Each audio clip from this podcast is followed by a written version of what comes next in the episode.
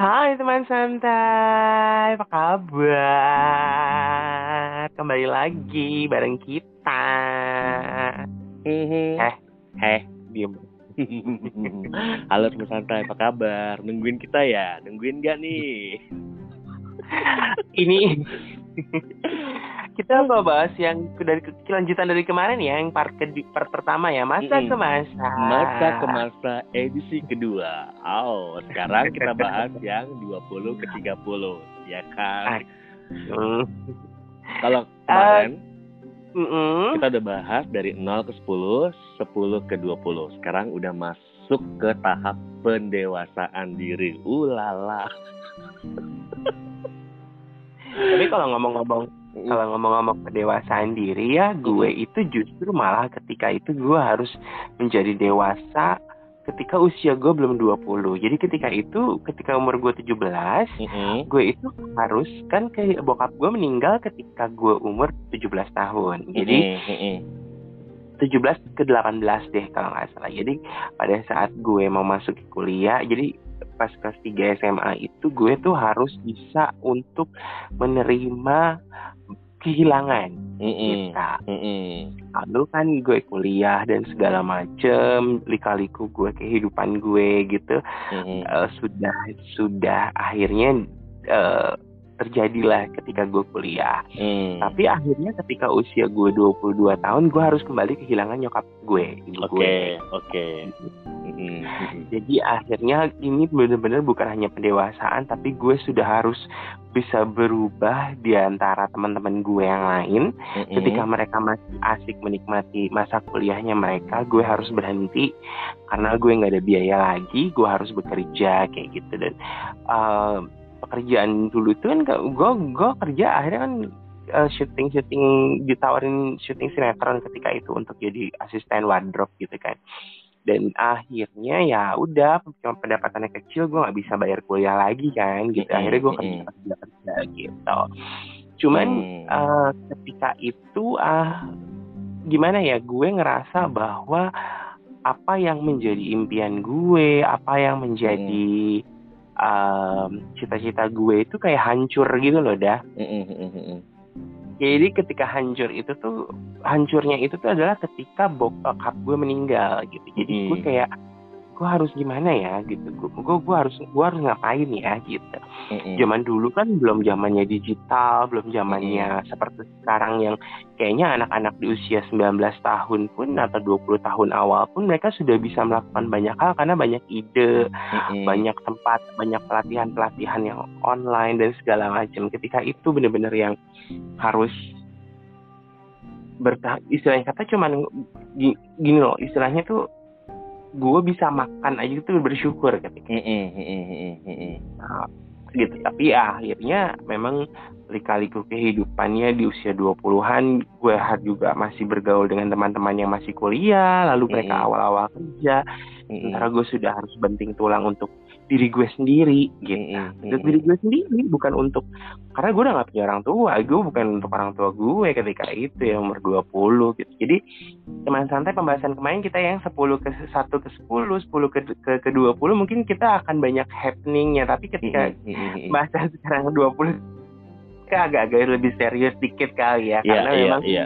uh, kehidupan akan udah kita udah mulai akan berubah ketika kita memasuki usia 20 gitu 20-an Mm-mm. jadi gitu gitu jadi eh, gue itu seperti jadi istilahnya ketika gue usia 20 ketika orang tua gue benar-benar nggak ada sama sekali itu tuh gue seperti kuda yang biasanya dalam kandang dalam istal tiba-tiba gue harus lepas dari Mm. dari kandang dari dari istal gitu jadi gue harus bertemu dengan alam liar kayak gitu jadi antusiasme gue akhirnya sangat berlebihan Mm-mm. gitu. Mm-mm.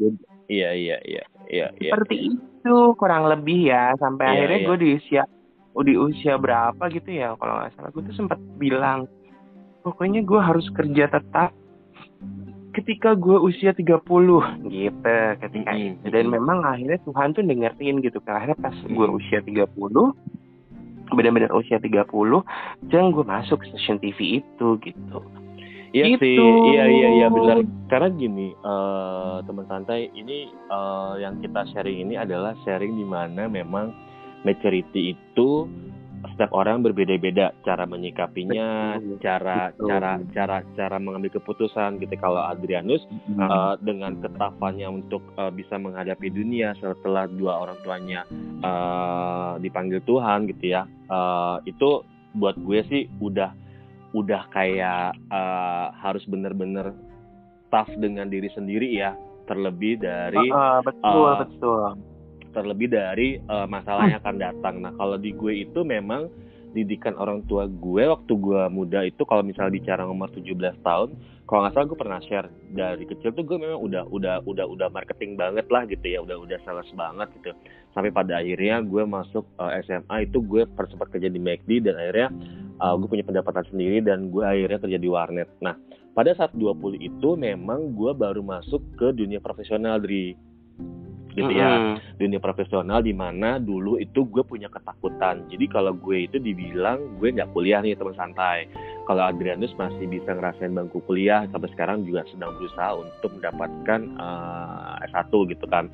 Kalau gue memang uh, tidak kuliah dan gue langsung berpikir gimana caranya gue bisa survive dan bisa bersaing dengan yang uh, pendidikannya bagus gitu kan kan kalau dulu gitu kan kalau di sekolah ayo ya, kalau iya. lu nggak nilai lu bagus nanti uh, jelek nanti uh, apa nggak nggak bisa berkompetisi sama orang yang uh, pendidikannya S1 ya, S2 kayak dulu gitu kan gitu ya.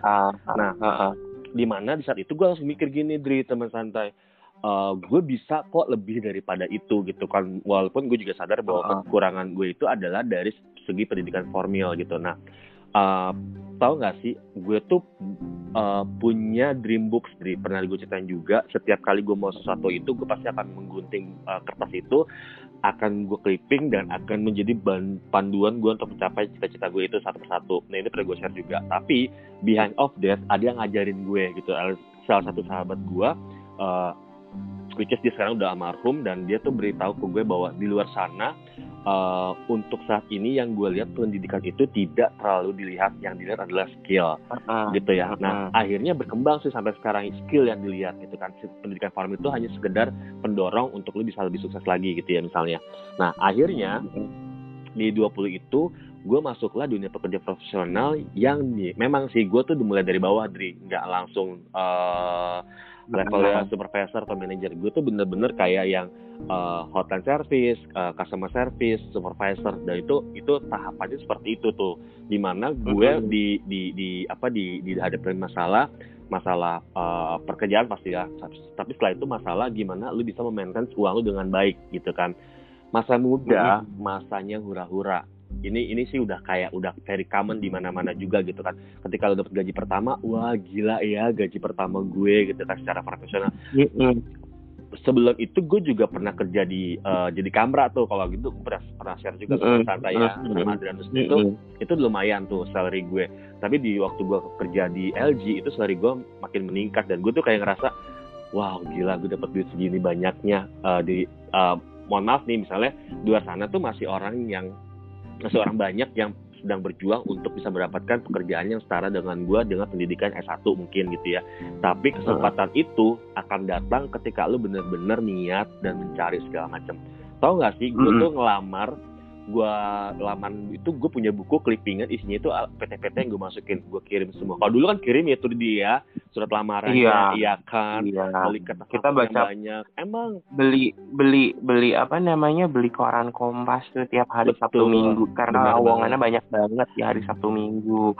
Itu sampai uh, bener-bener kita itu ngirim ya teman sana kita nggak pakai email. Zaman dulu tuh nggak ada yang pakai email. Betul. jadi kita masih pakai bener-bener kirim pos atau malah justru kita nyari yang walk in interview kita yes, datengin bener gitu. bener dan lucunya yes. lagi itu nah. harus tulis tangan kenapa kalau tulis tangan itu secara psikologis lu dilihat oh lu rapi orangnya tulisannya enak dibaca yeah. segala macam itu jadi poin yeah. tertentu buat orang yang interview kita uh, uh, uh, gitu sih seru ya seru banget gila iya seru ya. seru tapi tapi uh, tapi ya tapi pada saat itu akhirnya memang ada banyak hal yang gue alamin dalam hmm. hidup gue gitu ya hmm. dari dari gue ke kecil saat remaja gitu kan. Terus akhirnya itu mempengaruhi gue sampai sekarang gitu. Artinya ketika itu akhirnya tuh gue kayak ngeblank gitu. Gue tuh mau ngapain gitu? Gue tuh mau nyari apa gitu. Sampai akhirnya gue cuman berpikir bahwa oh ya udah gue harus kerja tetap uh, yang yang kira-kira di perusahaan yang besar seperti itu. Tapi ya akhirnya di usia di usia, akhirnya dapet kayak gitu kan. Gimana ya akhirnya banyak kali ku banyak kejadian yang ya dipecat dari pekerjaan juga pernah kayak gitu gitu kayak mm -hmm. itu terus gue harus resign gue yes, nggak gue gue nggak punya uang dan segala macam. Sebenarnya yang gue pikir ketika itu adalah gue senang senangnya sih tapi akhirnya gue pikir bagaimana gue bisa bertahan hidup aja gitu. Dulu tuh mikirnya tuh kayak gitu mm -hmm. gitu mm -hmm. sampai akhirnya gue tuh punya kemampuan apa ya? Oh gue ternyata nggak bisa menjual. Gue bukan mm -hmm. kayak Mada yang marketing gitu. Ternyata gue memang bukan orang yang bisa menjual.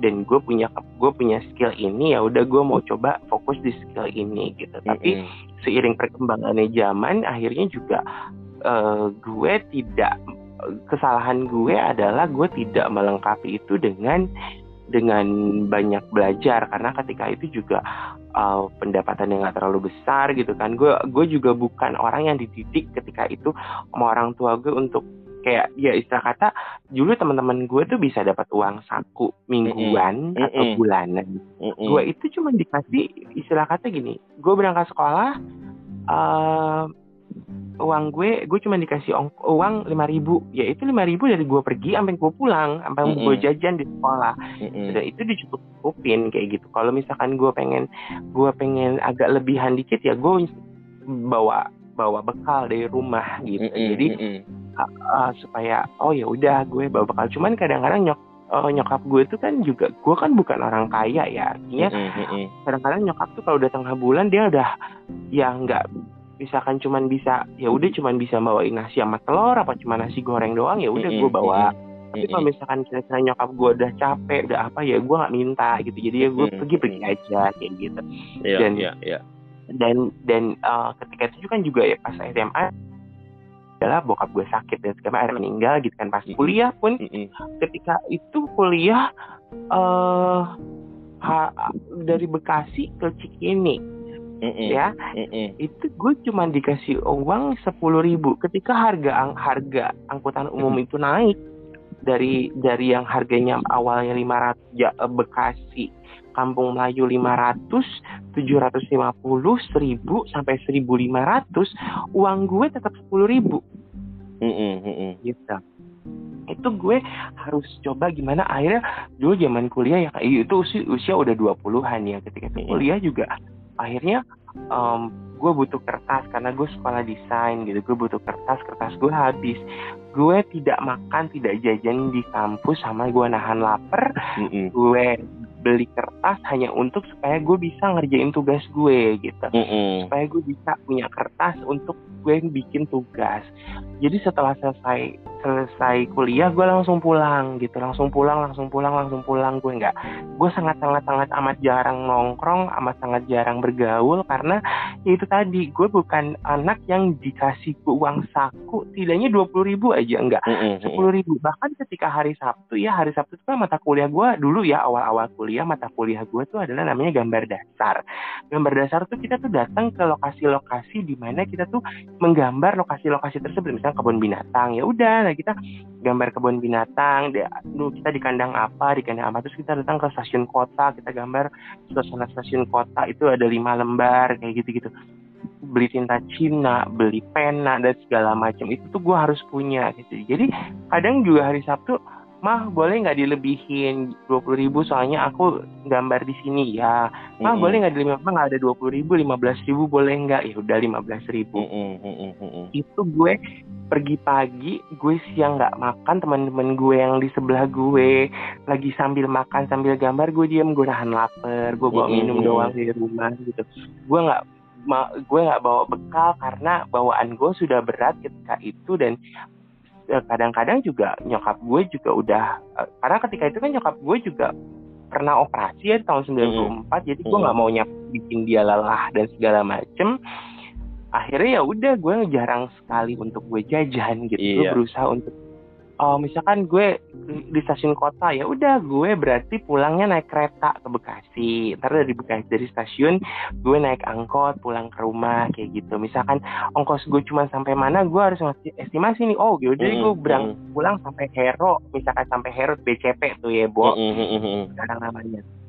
Nanti dari hero tuh gue jalan kaki sampai rumah kayak gitu. Jadi um, apa ya gue ngerasa bahwa ya itu itu itu itu itu yang gue gue kerjakan tapi uh, apa ketika itu ya udah gue jalanin aja gitu sampai akhirnya nyokap gue meninggal api yang tadinya istilah gini kayak obor kaldron di olimpiade itu kan apinya gede gitu. Mm -hmm. Ketika bokap gue meninggal, apinya meng mulai mengecil. Ketika nyokap gue meninggal, api itu kayak padam gitu di gue. Mm -hmm. Itu yang akhirnya uh, mungkin ya ini ini beruntungnya anak-anak muda sekarang adalah banyak banget motivasi istilah gini influencer influencer yang memberikan motivasi kepada anak muda sekarang. Zaman dulu itu ya teman santai boro-boro sosial media ya. Istilah kata gue kuliah aja tuh nggak pegang handphone gue gak punya handphone zaman kuliah. Teman-teman gue udah punya handphone gue nggak punya. Gue ketika harus pulang ma gue harus nelpon ke wartel gue berusaha ngomong sesingkat mungkin supaya gue bayar wartelnya itu tidak mahalan. Mm -mm. mah gue aku pulang gini gini gini gini gini. Udah gitu. Mm -mm. seperti itu. Jadi jadi nggak mau nggak mau yang uh, akhirnya cuman gara-gara bayar wartel gue nggak bisa pulang gitu. Mm -hmm. pernah tuh kejadian kayak gitu. Itu sering banget ketika dulu kuliah. Nah pas ketika kerja gue nggak ada, ada siapa-siapa di rumah nggak ada nyokap mm -hmm. gue kakak gue Mas Herman waktu itu kakak gue yang nomor dua sempat kerja di Manado, gue tinggal di Bekasi sendiri, rumah bocor, rumah apa gue hadapi sendiri, gue air kemasukan itu akhirnya gue banyak menangis ketika mm -hmm. itu banyak mm -hmm. sekali gue menangis ketika teman-teman gue usia gue itu uh, apa namanya mereka masih menikmati indahnya kuliah mereka menikmati bagaimana rasanya menggunakan toga wisuda dan gue harus menghapus itu semua. Gue harus kerja gue pernah nganggur juga dan segala macam. Artinya sekarang pun juga kalau gue bisa dibilang gue juga uh, sebagai freelancer ya pekerjaan gue pun ada dan tiada gitu kan karena lagi pandemi seperti ini gitu.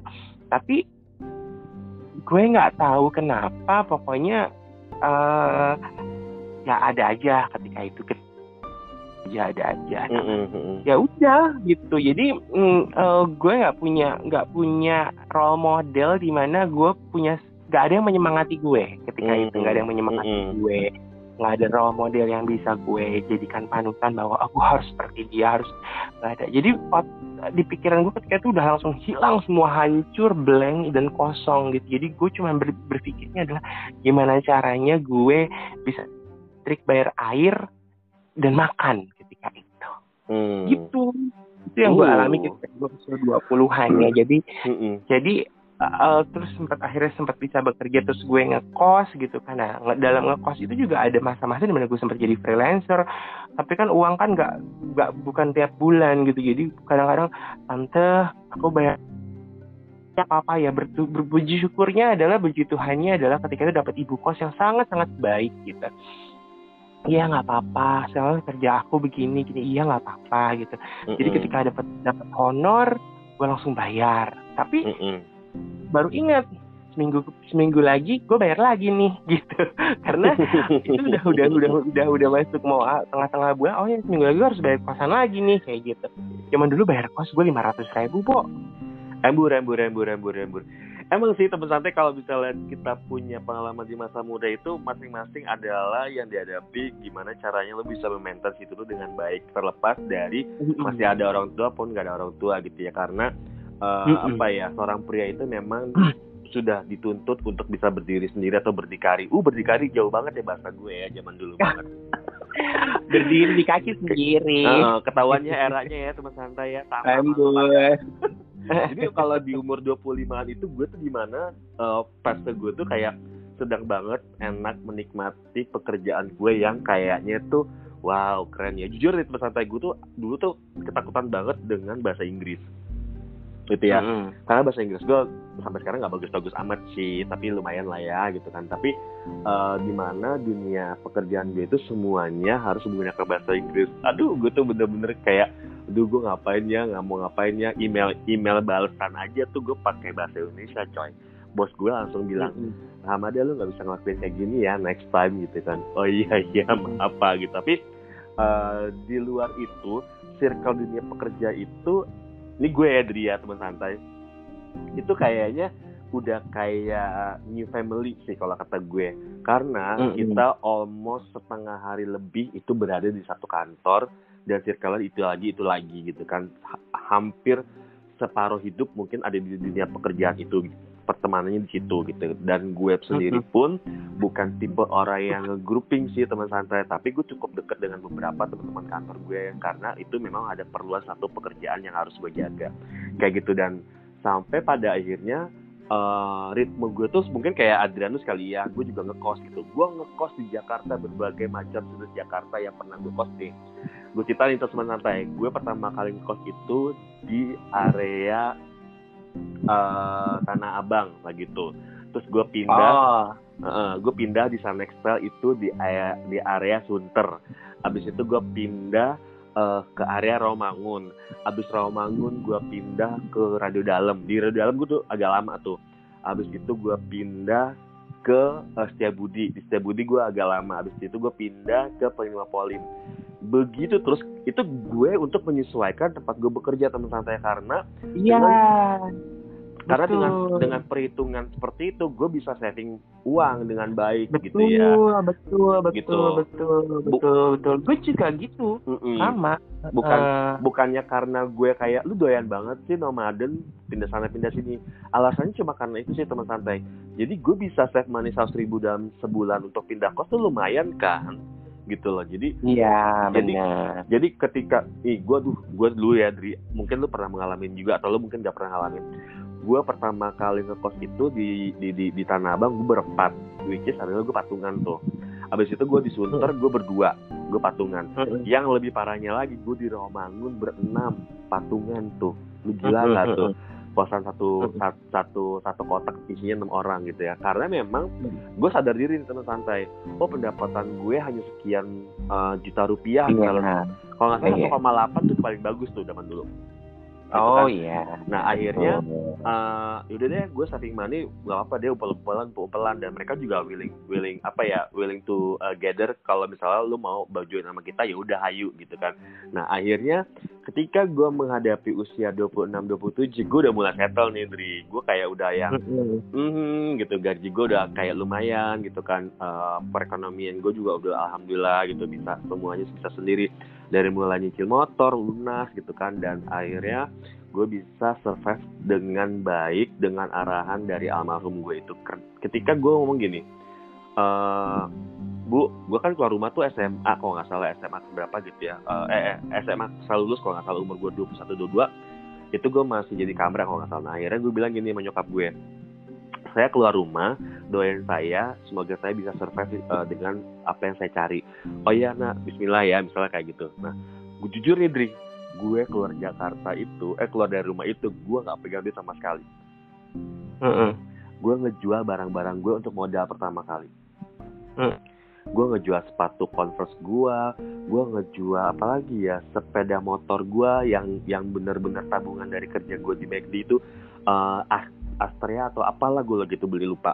Itu gue gue jual jadi kayak pengen udahlah gue coba survive di Jakarta aja gue ngekos segala macem eh, barang-barang teman-teman gue segala macem. Nah pembelajaran dari situ eh, di mana pas gue 28 gue itu udah kayak ketemu nih namanya perang batin tuh 2728 tuh perang, perang batin gue ketemu tuh. Eh, gue kayaknya nggak bisa kayak gitu terus-terusan nih gitu kan. Psikologis gue kena lah segala macem gitu kan. Halo halo Iya. rekan Iya. Adrian. Iya. Gitu kan nah akhirnya gini teman santai gue pernah kemarin sharing ketika masa psikologis gue tuh perang batin gue harus mau ngapain nah setelah gue balik dari jalan-jalan nah itu gue kayak eh, memberanikan diri bahwa ketika gue umur 28 gue harus benar-benar jelas sama hidup gue seperti apa which is adalah gue harus jujur sama hidup gue gue harus jujur sama keluarga gue. Nah ini yang terberat sih teman-teman santai selain dalam dunia pekerjaan yang semakin hantam menghantam baku menghajar menghajar gitu ya. Lu pasti bakal menghadapi gitu juga ya Dri ketika lu kerja di dunia profesional. Ada aja gitu kan. Iya. ih ngapain sama Hamada ngapain sama dia gitu kan kerjanya nggak bener segala macam. Itu gue nggak pernah peduliin hal seperti itu. Karena gue tidak mau terlalu sibuk dengan urusan orang yang berisik gitu ya kalau kata gue tuh gitu. Karena gini karena gini teman santai. Di era kita itu semuanya harus benar-benar dipegang erat. Bener? Mm-hmm. ya kan? Baik pekerjaan gitu mm-hmm. segala macam. Kalau era era sekarang lu nggak pegang erat-erat pun opportunity itu masih banyak kalau lu kreatif gitu ya. Yeah. Kalau lu yeah. kalau lu punya channel, kalau lu punya apa ya, punya celah untuk bisa meningkatkan perekonomian lu. Memang kita nggak usah bicara pandemi ya. Kalau bicara pandemi mm -hmm. semuanya kayak punya siklus ya sama ya. Tapi sebelum pandemi itu gue kayak mikir bahwa uh, oke okay deh gitu gue mungkin nggak bisa mempertahankan pekerjaan gue karena orang yang di sekeliling gue sikut menyikut dan gue bukan tipe yang kayak gitu itu gue udah sering kali menghadapi hal itu teman santai dan gue tidak membalasnya kalau dikasih syukur nggak dikasih udah nggak dilanjutin ya udah. Kalau dilanjutin juga udah. Karena buat gue adalah suatu sikap kedewasaan itu adalah gimana lu bisa menyikapinya itu dengan baik. Tidak harus dengan kepala panas atau emosional yang tinggi. Itu sih kalau kata gue sih. Iya iya iya. Nah dan itu juga akhirnya uh, apa namanya memang mempengaruhi juga secara psikis ke gue ya gitu. Mm -hmm. ini juga mm -hmm. ketika itu juga ya sama sih dagu gue tuh kan ngekos itu kan bukan alasannya adalah karena untuk deket supaya dekat dengan tempat kerja. Ketika gue kerja di Cipete gue ngekos di Trogong gitu kan. mm -hmm. gue ketika gue kerja di radio dalam gue ngekos di radio dalam gitu kan. Nah soalnya pas ketika gue kerja di daerah kuningan gue sempat nyari nyari dengan budget segini gaji gue cuma segini ya udah akhirnya gue sampai sempat uh, kantor gue tuh antara Kuningan dan Kalima dan uh, sekitar Cawang situ. Jadi kantornya ada dua. Jadi gue tuh lebih banyak di Cawang di di Kuningan sebenarnya daripada di Cawang gitu. Akhirnya gue ngekos di Kalimalang, dari Kalimalang gue pindah kos di Gatot Subroto. Terus dari Gatot Subroto itulah itu ada sempat gue jatuh gitu kan. Akhirnya gue juga uh, kerja lagi di di radio dalam eh di Fatmawati terus sempat kerja. Oh, pokoknya waktu itu kerja se, se ini deh. Ada apa kerjain apa apa kerjain kayak gitu gitu hmm. gitu. Pak kita itu kenal ya Gatsu ya? Kita kenal ketika kita sudah di uh, radio dalam deh. Eh Gatsu apa radio dalam ya? Lupa deh gue.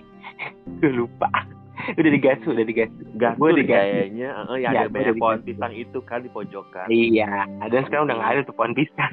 Embur embur embur embur eh, terus jadi abis itu gue pindah ke Mampang karena gue kerja di TV yang deket situ mm gitu. dan mm. Itu lumayan lama di Mampang sekitar eh, delapan tahunan ya. Dan mm-hmm. gue hitung-hitung gue meninggalkan Bekasi itu akhirnya sekitar 15 tahunan gitu kan gue ngekos gitu akhirnya mm -hmm. sekarang uh, istilahnya kok gue bilang ya teman santai ini rumah sebenarnya bukan rumah gue tapi ini rumah rumah kakak gue. Jadi ketika gue kita memutuskan untuk ya udah yuk kita tidak aja ke rumah untuk lebih bisa uh, apa ya menghemat biaya dan segala macam. Tapi emang gitu gitu ya akhirnya pindah. Gue nggak ngerti kenapa pokoknya uh, akhirnya masuk usia 30 gue kerja gue kerja mm -hmm. di stasiun TV itu gue sangat menikmati sangat senang gitu kan di situ lingkungan kerjanya juga menyenangkan gue mm -hmm. kalau gue ditanya kalau gue ditanya sama orang di mana tempat kerja lo yang sangat sangat berkesan sangat sangat sangat sangat apa ya uh, ya itu di TV itu yang di tendean itu gitu dan itu mm -hmm. feels like home gitu jadi ketika mm -hmm. gue hari libur aja itu gue rela untuk datang ke kantor untuk kerjain kerjaan padahal gue libur ya Bo mm -hmm. cuma gue iseng aja datang dengan baju santai gitu nggak pakai seragam gitu tapi karena gue libur gitu tapi gue tetap bawa kartu apa bawa ID card gue gitu dan teman-teman gue yang lain pun juga ada yang masuk ke kantor untuk nyiapin ina ini ina ini kayak gitu-gitu jadi um, itu sangat-sangat berkesan banget ketika terjadi situ gitu. akhirnya uh, ya itu kita udah masuk 30 nih ya namanya hmm, santai ya. 30 30. Ini udah di mana, 30. Di mana di, di mana semuanya udah capcus ya kan? gitu. Tapi ternyata tapi ternyata di usia 30 itu di awal 30 itu adalah masa-masa gue sangat menikmati. Tapi ketika menjelang akhir 30 ya ketika usia 37 itu adalah baru benar-benar gue hantaman lagi gitu jadi uh, ketika gue lagi ada di atas gue sekarang lagi turun lagi gitu benar-benar yang ada di bawah lagi gitu sama halnya ketika gue di awal 20 gue berada di posisi uh, sedang ketika nyokap gue meninggal gue di posisi bawah mm-hmm. bawah itu cukup lama mm-hmm. terus sekitar usia 24 25 gue mulai naik lagi sedikit demi sedikit lalu ketika di usia 28 itu gue turun lagi gitu tapi ketika usia 30 gue naik lagi gitu sampai akhirnya gue menikmati itu hingga usia 37 gitu mm-hmm. akhirnya semua itu tuh kayak kayak Uh, dan dan dan yang gue gua nggak eh, seperti gue pernah bilang di episode sebelumnya bahwa ternyata gue sampai sekarang gue tuh masih belum bisa menemukan titik gue tuh mau ke mana gitu mm -hmm. ternyata ternyata gitu mm. gue nggak tahu ya, gue nggak ngerti bukan nggak ngerti artinya gini uh, apa yang salah di gue gitu mm -hmm. apa yang salah di gue jadi uh, istilahnya uh, isi ya gue, gue kayak mau nangis gitu kalau mau cerita ini artinya uh, di, di usia 37 itu gue tiba-tiba ada di puncak tinggi 37 tapi ternyata gue harus jatuh sejatuh-jatuhnya. Itu sangat-sangat itu gue banyak dari persoalan kesehatan mm -hmm. pekerjaan gitu. Dan akhirnya ternyata ini udah mau usia 40 gue masih berada di bawah gitu. Mm gue cuma berpikir bahwa Tuhan apakah apa yang terjadi gue di usia 30 itu apakah terulang lagi di usia 40 ini? Gitu. Hmm. karena gue tuh pengen artinya gini akhirnya dari proses gue usia 37, 38, 39 tuh itu kan gue kehilangan pekerjaan lagi gitu dan gue punya kerja freelance dan akhirnya pandemi gitu. Oke kita ngomongin pandemi ini kita oke bisa bicara bahwa semua orang akan mengalami ini tapi secara personal gue juga mengalami itu sebelum pandemi justru gitu. Hmm, jadi mm, mm.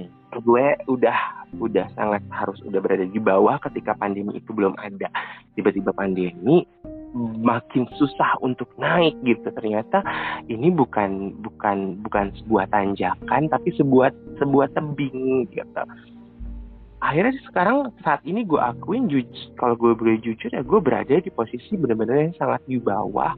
Gue sedang berusaha untuk mendaki tebing yang dengan batu tajam yang di, bolak-balik jatuh bolak-balik jatuh gitu. Uh, akhirnya gue ngelihat uh, anak-anak muda ya anak-anak muda di usianya di bawah gue gitu itu mereka mendaki dengan sangat cepat tat tat tat gitu. Hmm. untuk menyadari oh iya ini nih perkembang kemajuan zaman kemajuan zaman nih sangat pesat nih gitu. Sangat sangat cepat nih gini. Gimana hmm. caranya ya supaya gue bisa mengimbangi itu gitu. Iya, iya, lah, iya, iya. Nah, akhirnya tercetus lagi. Gimana ya kalau gue kuliah lagi gitu. Hmm. memang impian kuliah lagi itu sudah ada sejak usia 28 ketika itu ya gitu cuman akhirnya ketika kerja di di stasiun TV itu uh, pikiran untuk kuliah laginya tuh sempat hilang gitu. Yaudah deh gue kuliah lagi. Akhirnya dari doa-doa dari harapan-harapan yang gue bikin gitu ternyata yang dikabulin Tuhan tuh cuman kuliah. Hmm. Rumah enggak, pekerjaan juga ya akhirnya seperti ini tapi kuliah gitu kan tapi ternyata gue ngadepin kuliah pun juga tidak semudah itu dah gitu mm -hmm. dengan masalah gue harus bayar kuliah juga meng yang paling utama sih bayar kuliah ya hari ini gitu kan mm -hmm. walaupun harganya tidak mahal tapi buat gue itu jadi satu wow gitu yang aduh mm -hmm. gue harus gimana gue harus gimana gitu uh, akhirnya pandemi membatasi ruang karena gue seorang freelancer gue membatasi ruang gitu. Mm -hmm. dan setelah kejadian di pekerjaan terakhir yang membuat gue harus keluar harus resign gitu itu gue seperti kayak dimatiin gitu loh dimatiin uh, pintu gue gitu. Gue gak ngerti nih api itu mana yang harus terbuka gitu gue banyak berdoa banyak berdoa. Yuk bis Tuhan aku minta dong untuk di, di terima bekerja lagi terima bekerja lagi. Tapi Tuhan terlalu ngasihnya freelance freelance freelance freelance kayak gitu gitu terus terusan gitu yang nggak ada berhentinya nggak ada nggak ada. Ya nggak ada sempat panggilan panggilan tapi nggak pernah ada yang nyangkut nggak pernah ada yang dapet. Jadi istilahnya dari sekitar dua tahun lebih ini gue tidak bekerja tetap gue tetap berusaha untuk ngirim-ngirim CV gitu. Gue Hmm. ganti gue bentuk formatnya gue ganti ininya gue ganti.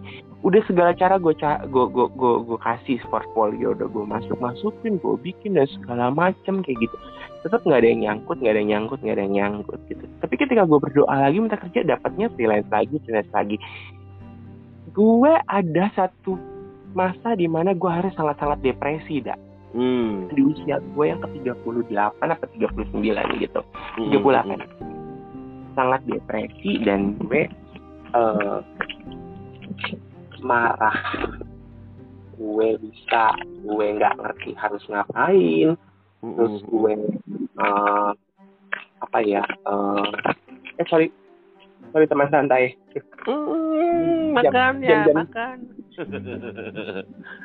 jam-jam minum obat kak Ah ya baiklah kalau begitu. Iya sih, gue juga gue tuh Mm-mm. masuk ke masuk ke 30 itu kayak kayak gue tuh harus bener-bener lagi melihat, melirik, menjaga, mencermati semua semua pekerjaan apalagi di dunia kreatif itu kan semuanya apa ya bergerak di bidang jasa. Kita kan jual ide ya kan?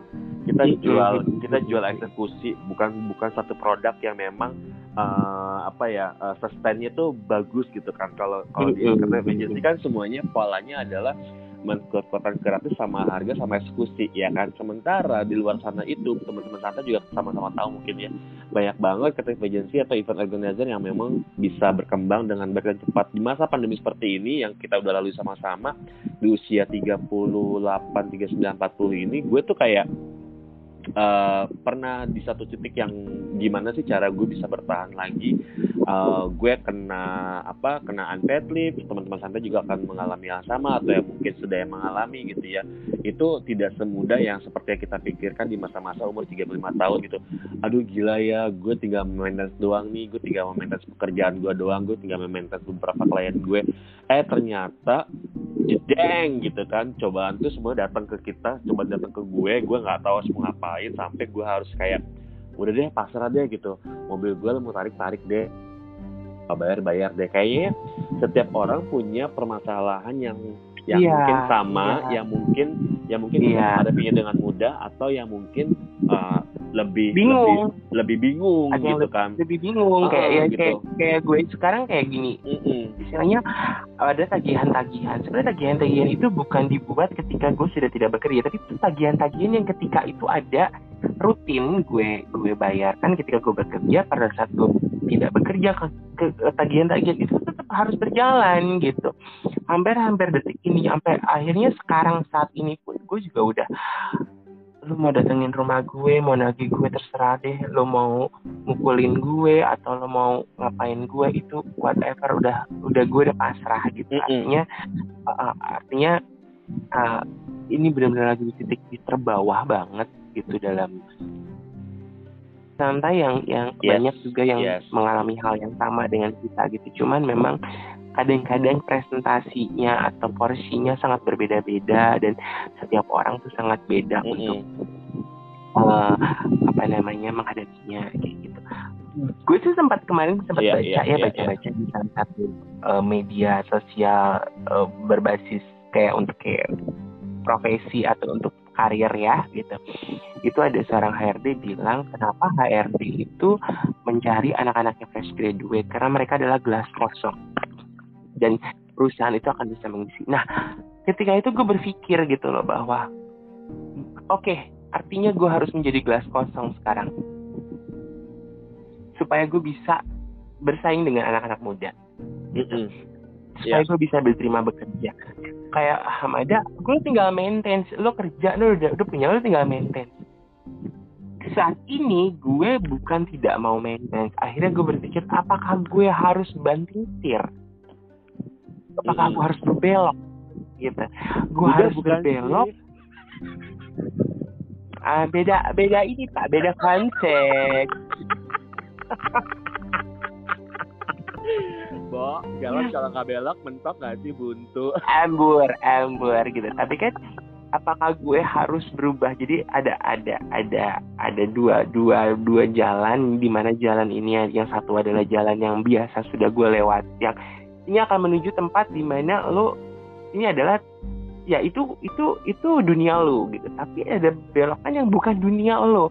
Maukah lo masuk ke dunia yang bukan dunia lo itu yang sekarang sedang gue usahakan ya ya ya, gitu. ya. tantangannya adalah usia Yes. Nomor satu, ketika gue gue punya pengalaman lebih dari 15 tahun bekerja, gue tuh adalah gelas yang sangat penuh. Mungkin isi gelasnya itu tidak selalu tidak jernih-jernih amat, ada keruk-keruknya dikit.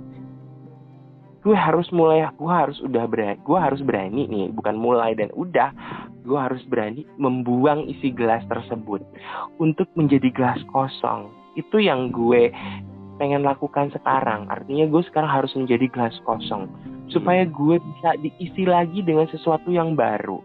Gue bisa menjadi orang yang diisi lagi dengan berbagai macam ilmu. Kalau ditanya, lo mau nyari pengalaman apa lagi? Gue sebenarnya sekarang adalah satu. eh menurut gue, sampai kita mati, hidup itu setiap detiknya adalah satu pengalaman, satu pelajaran Yes. kita belajar dari setiap detiknya. Enggak, gua nggak mau muna Ya, jangan ya. pernah bilang bahwa mereka-mereka yang kayak kita kita atau mungkin yang di atas kita usianya mereka adalah orang-orang yang sudah berpengalaman. Kita juga jangan jumawa. Apalagi dengan situasi kita lihatnya adalah situasi yang seperti ini. Udah kita harus menjadi gelas kosong untuk diri kita sendiri agar apa? Agar kita bisa diisi dengan sesuatu yang berbeda gitu. Itu sangat susah. Artinya itu seperti keluar dari zona nyaman gitu.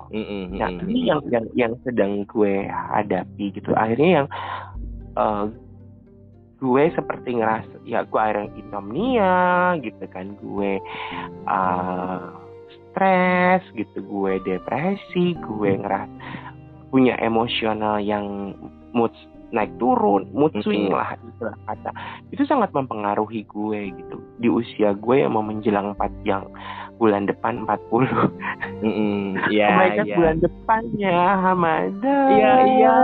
Gue empat satu teman santai.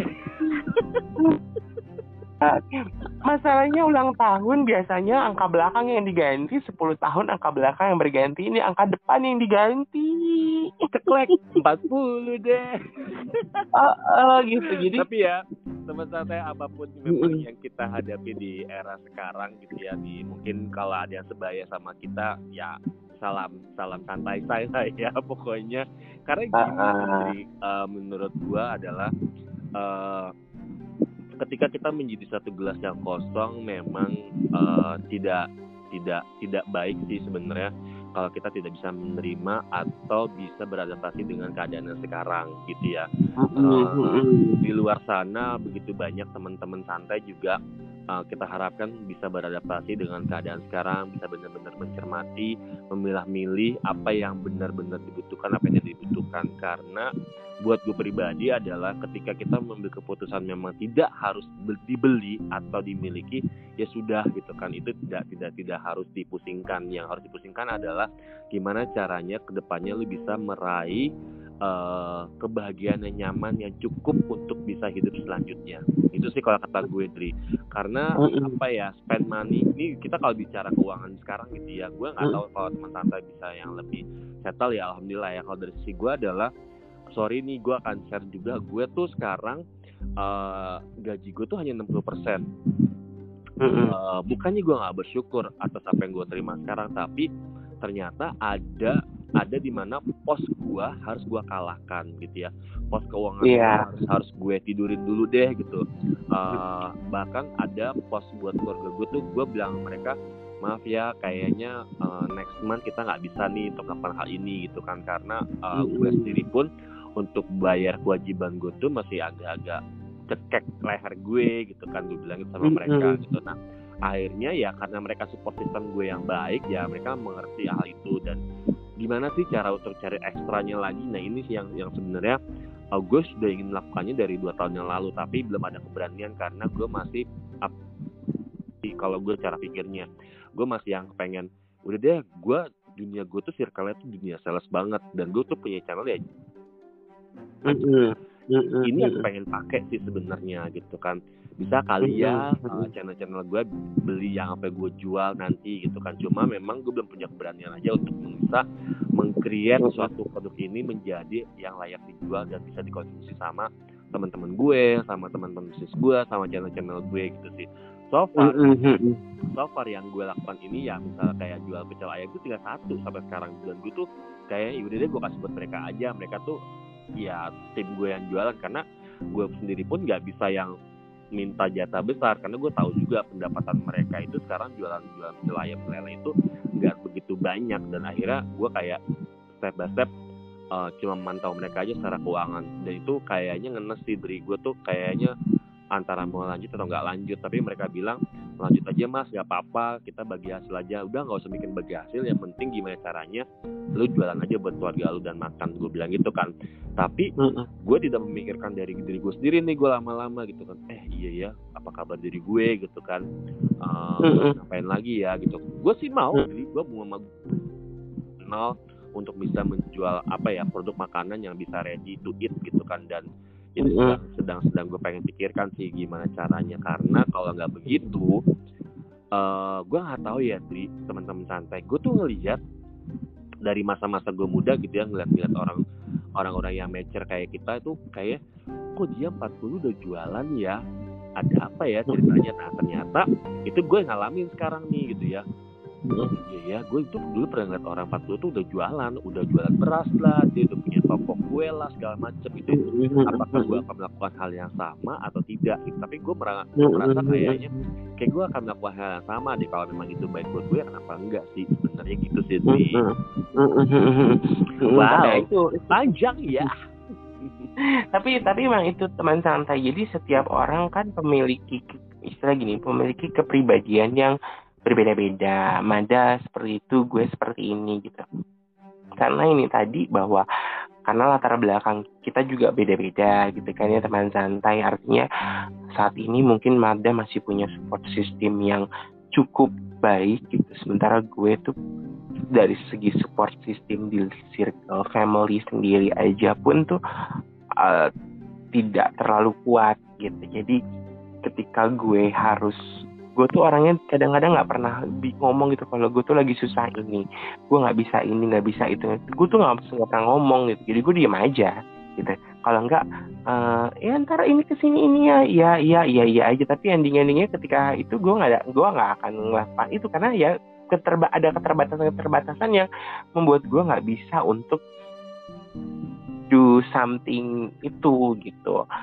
Uh, akhirnya ya kayak orang gue baca baca di medsos gitu kan ya belum nggak bisa cuma rebahan dan segala macam segala macam kalau bisa dibilang mungkin gue menyadari oh ya gue rebahan seharian gitu. Tapi otak gue tidak rebah ternyata. Otak gue tuh muter ngapain lagi ya? Gue harus bikin apa lagi? Gue ngapain lagi ya? Gue ngapain lagi ya? Gue ngapain lagi ya? Gue nyari kerja apa ya? Apa ya? Apa ya? Apa ya? Gitu. Apalagi ketika pindah ke sekarang ke sini dari segi jarak akan jadi jauh lebih jauh gitu kan. Akhirnya benar-benar ada ada satu waktu bukan ada satu waktu banyak waktu gue tuh untuk mikir gue lagi masak otak gue muter lagi mandi iya. otak gue muter lagi bo otak gue muter. Itulah yang membuat gue akhirnya tidak bisa tidur artinya sih insomnia. Karena gue susah untuk untuk untuk untuk istilahnya mengistirahatkan uh, pikiran gue gitu. Mm-hmm. ya itulah ada itu yeah, gue yeah, mungkin yeah, yeah, kalau yeah. gue adalah gue pengen berubah untuk menjadi gelas kosong ini adalah supaya gue uh, bisa seperti anak muda yang lain yang ingin diisi dengan sesuatu yang baru, sesuatu yang berbeda, yang yang kita tuh bisa uh, dan dan ini juga salah satunya adalah yaitu gue coba berusaha untuk mungkin kalau megang gadget mulu, megang handphone terus terus segala macam. Karena dengan dengan dengan gue megang gadget, gue itu bisa banyak belajar tentang apa yang menjadi sekarang tren kemajuan sekarang apa yeah, gitu yeah, apa yeah, segala yeah. macam kayak gitu gitu ya itu juga gue harus berperang juga dak melawan rasa yeah. tidak percaya diri gitu loh yeah, yeah, karena bener. kan kayak gitu gitu kan kita kadang-kadang apalagi kita sekarang kayak kayak kayak gue kayak, kayak sumur kita gini kan rasa percaya diri mulai gampang gitu loh artinya mm -hmm. Gue bisa nggak ya di umur segini gitu? Gue bisa nggak ya di umur Iya. segini Mm-mm. artinya ya dan dan ya eh, banyak hal di di gue tuh kayak ngerasa sekarang tuh kayak ngerasa duh gue tuh gue udah nyap gue udah sudah mencapai apa sih? Gitu. Ternyata gue belum mencapai apa-apa. Gue nggak ada pegangan gitu artinya gitu. Dan eh, gue tuh harus ngapain kayak gitu akhirnya emang kepikiran di otak gue dari dari dari dari semenjak gue memutuskan kuliah itu terus kayak, apakah gue kuliah kuliah kuliah? Jadi kayak ada punya target gue tuh pengen gue tuh sering banget ya baca-baca scholarship scholarship di semua negara gitu dah itu tuh kayak kayak kayak yang gue mau ke gue mau kuliah di gue mau eh, beasiswa tapi ada nggak yang di umur? Itu tapi gue nyari searching beasiswa yang tidak ada batasan umur dan segala. Ternyata emang gue tuh pengen sekolah lagi gue pengen belajar lagi pengen ilmu nambah ilmu lagi gitu. Kalau bisa dibilang akhirnya nanti nanti lo mau ngapain lagi sih? Udah umur segini lo mau S2 mau apa mau apa gitu. Eh, mungkin orang lain akan berinvestasi secara materi tapi gue coba untuk berinvestasi dalam ilmu pendidikan. Karena buat gue investasi itu bisa gue mati gitu loh dan gue bisa bagi kepada orang lain. Artinya berbagi itu kan tidak dalam, dalam bentuk materi. Iya, kita berbagi betul. ilmu pun juga Betul, merupakan betul. suatu hak itu adalah berbagi. Kita juga Iya, bisa. istilahnya berzakat tuh tidak harus selalu dalam bentuk materi. Artinya kita juga memberikan Iya. ilmu kepada orang lain itu juga adalah sebuah sedekah gitu. Yes. gue tuh pengennya seperti itu gitu. Jadi tapi ke itu kayak sisi gue kayak istilah gini kayak ada dunia dunia yang ada dalam pikiran gue tapi di depan mata itu mau nggak mau ya lu butuh materi gitu. Itu akhirnya teman santai ya ketika usia 30-an sampai akhirnya mau 40 bener-bener kehidupan nyata itu bener-bener nyata. Artinya nggak ada tuh yang namanya udah hayal-hayal babu ini di depan mata lo ada batu ya udah tuh batu di depan mata lo gitu. Iya, iya. ada ta- ada tai ada tai di depan mata lo nggak ada tuh lo mau mau depan lo ada parfum wangi ya ada ada parfum wangi depan lo gitu Iya. jadi bukan yang Betul. bukan yang ada tai di dalam angan-angan lo atau ada batu di dalam angan-angan lo atau ada parfum di dalam angan-angan lo nggak ada gitu ya sih Bo? benang merahnya Teong ya, Bo, dari Eh kemarin. bu dari kemarin Eh, eh, cuman bedanya kalau yang waktu kemarin kan kita eh, nempel di celana ya Eh, kalau ini kan kita nempel di otak nempel di otak coy Ah, ya Allah. Eh, semoga apa yang kita sharing ini eh, bisa bisa apa ya bisa menjaga teman-teman santai satu sama lain di keluarganya sebagai support system. Dan kita bisa bertahan satu sama lain untuk menghadapi masa-masa seperti ini yang mungkin seumuran betul. yang mungkin masih bisa lebih sukses lagi. Amin. Kita doakan semua Amin. terjaga keluarga sehat aja dan satu sama iya. lain apa ya bahagia satu sama lain gitu. Ya Dri ya. Ah, kita ah, share ah, ini uh, untuk sekedar uh, meng, apa ya memberikan bahwa ini loh cerita-cerita tentang kita berdua yang mungkin selama ini teman-teman santai belum mengetahui siapa sih Adrianus Hendrawan, siapa sih Hamada Anwar. Dan iya. uh, kita ini memang bisa dibilang dua sahabat yang punya cerita mungkin masing-masing sama-sama tahu nih teman santai gitu kan. Gue tahu Adrianus Adrianus tahu gue gitu kan gimana kita di atas gimana kita di bawah dan kita tahu gimana sedihnya berteman gitu yang sampai sekarang tuh eh, bisa dibilang gue sama Adrianus tuh sudah berapa bulan gak ketemu lah gitu ya intinya gitu. Uh, tapi karena kita sama-sama saling support, sama-sama saling silaturahmi dengan dengan dengan gaya kita masing-masing gitu ya. Diharapkan ini juga bisa memberi impact sama teman-teman santai di rumah bahwa yaudah yuk kita dengerin uh, teman-teman kita apa kabar gitu kan. Yuk kita dengerin saya mau berbagi gitu kan. Uh, seperti yang kita ke kemarin sebelumnya uh, toxic positivity itu ya ya ya seperti ini gitu ya. Jadi jangan langsung uh, menjat atau jangan langsung uh, berceramah untuk uh, part di mana yang harusnya kalian bisa dengerin lebih baik daripada uh, kalian memberikan Mm-mm. saran yang sebenarnya Mm-mm. tidak dibutuhkan juga anyway. Nah, ini yang yang kita lakukan gue mendengarkan Adrianus Adrianus mendengarkan gue gitu kita sama-sama Mm-mm. uh, mencoba memberitahu sama teman-teman santai ini loh yang namanya kita sama-sama saling mendengar ya kan? Mm-mm. iya. Iya, jadi jadi memang enggak maksudnya eh, kepada teman santai bukan maksud kita adalah untuk tidak memberikan ambience atau mungkin vibe positif kepada teman-teman, tapi bagaimana caranya supaya dalam ini jadi dari depan mata nih nyata deh virus ini ya, corona ini ya gitu.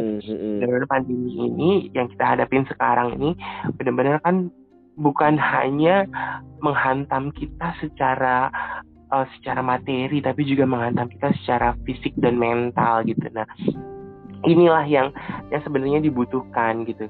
Ya, semoga semoga eh, apa yang kita sampaikan sekarang bisa untuk ya inspirasi teman-teman santai untuk bisa lebih berani eh, mengutarakan apa yang menjadi eh, apa ya istilahnya mengeluarkan energi negatif kalian gitu. Karena Iya. memang ja- jangan energi negatif itu ya tidak tidak bisa nggak bisa tuh kita kita terus simpan gitu. Gua Mm. itu memang berarti teman santai itu gua gua akuin karena gua mengalami mengeluarkan energi negatif itu sangat sangat susah. Karena itu sama aja seperti kita harus jujur kepada diri sendiri. Yes, itu. Betul. Betul. Nah, Mm-mm, mm-mm. ya Aduh, seneng banget deh. Fase dari masa ke masa ya kan 30, 40 itu memang eh, suatu langkah kepastian dalam kita bersikap. Uh, Iya. uh. tapi tapi semoga ya buat buat tapi ya pesan dari gue buat teman ya ini bukan bukan untuk mengasih toxic positivity ya tapi yang jelas bahwa em, hargai eh, setiap orang lain untuk menjadi lebih baik. Udah itu aja. Yes, mau ngapain mau ngapain dah gitu. Tapi ya hargai aja dulu usahanya apa-apa segala macam. Baik dari segi dari segi terutama sekarang ya dari segi uh, mental tuh ya kalian harus coba untuk menghargai dengan mendengarkan dan ah, macam-macam lah yang bisa kita lakukan teman-teman kita. Dan perhatian kayak gitu. Ya, dan mohon maaf apabila memang tidak tidak sesuai dengan teman-teman santai. Ya, monggo silakan dicoba cari eh, polanya yang memang benar-benar pas buat teman santai gitu Oh, ya. mm, Kita di sini mm, mm. benar-benar santai, shy. Mm-mm.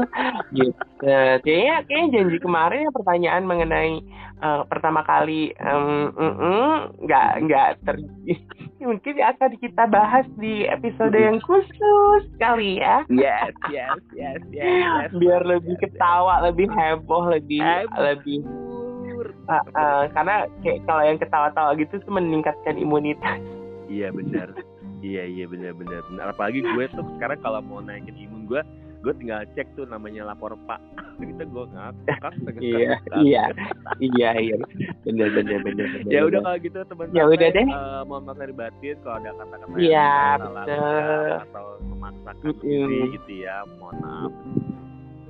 Ah, kita kita berjumpa lagi di episode berikutnya. Apa yang kita akan kita bahas atau yang gue bahas gitu. Ah, yang jelas tetap ah, stay healthy stay safe dan salam untuk orang-orang yang ada di sekitar anda. Sampai jumpa dan salam Sampai santai. Dari gue Adrian Gua Hamada. Pamit. Salam santai bye santai. Bye bye.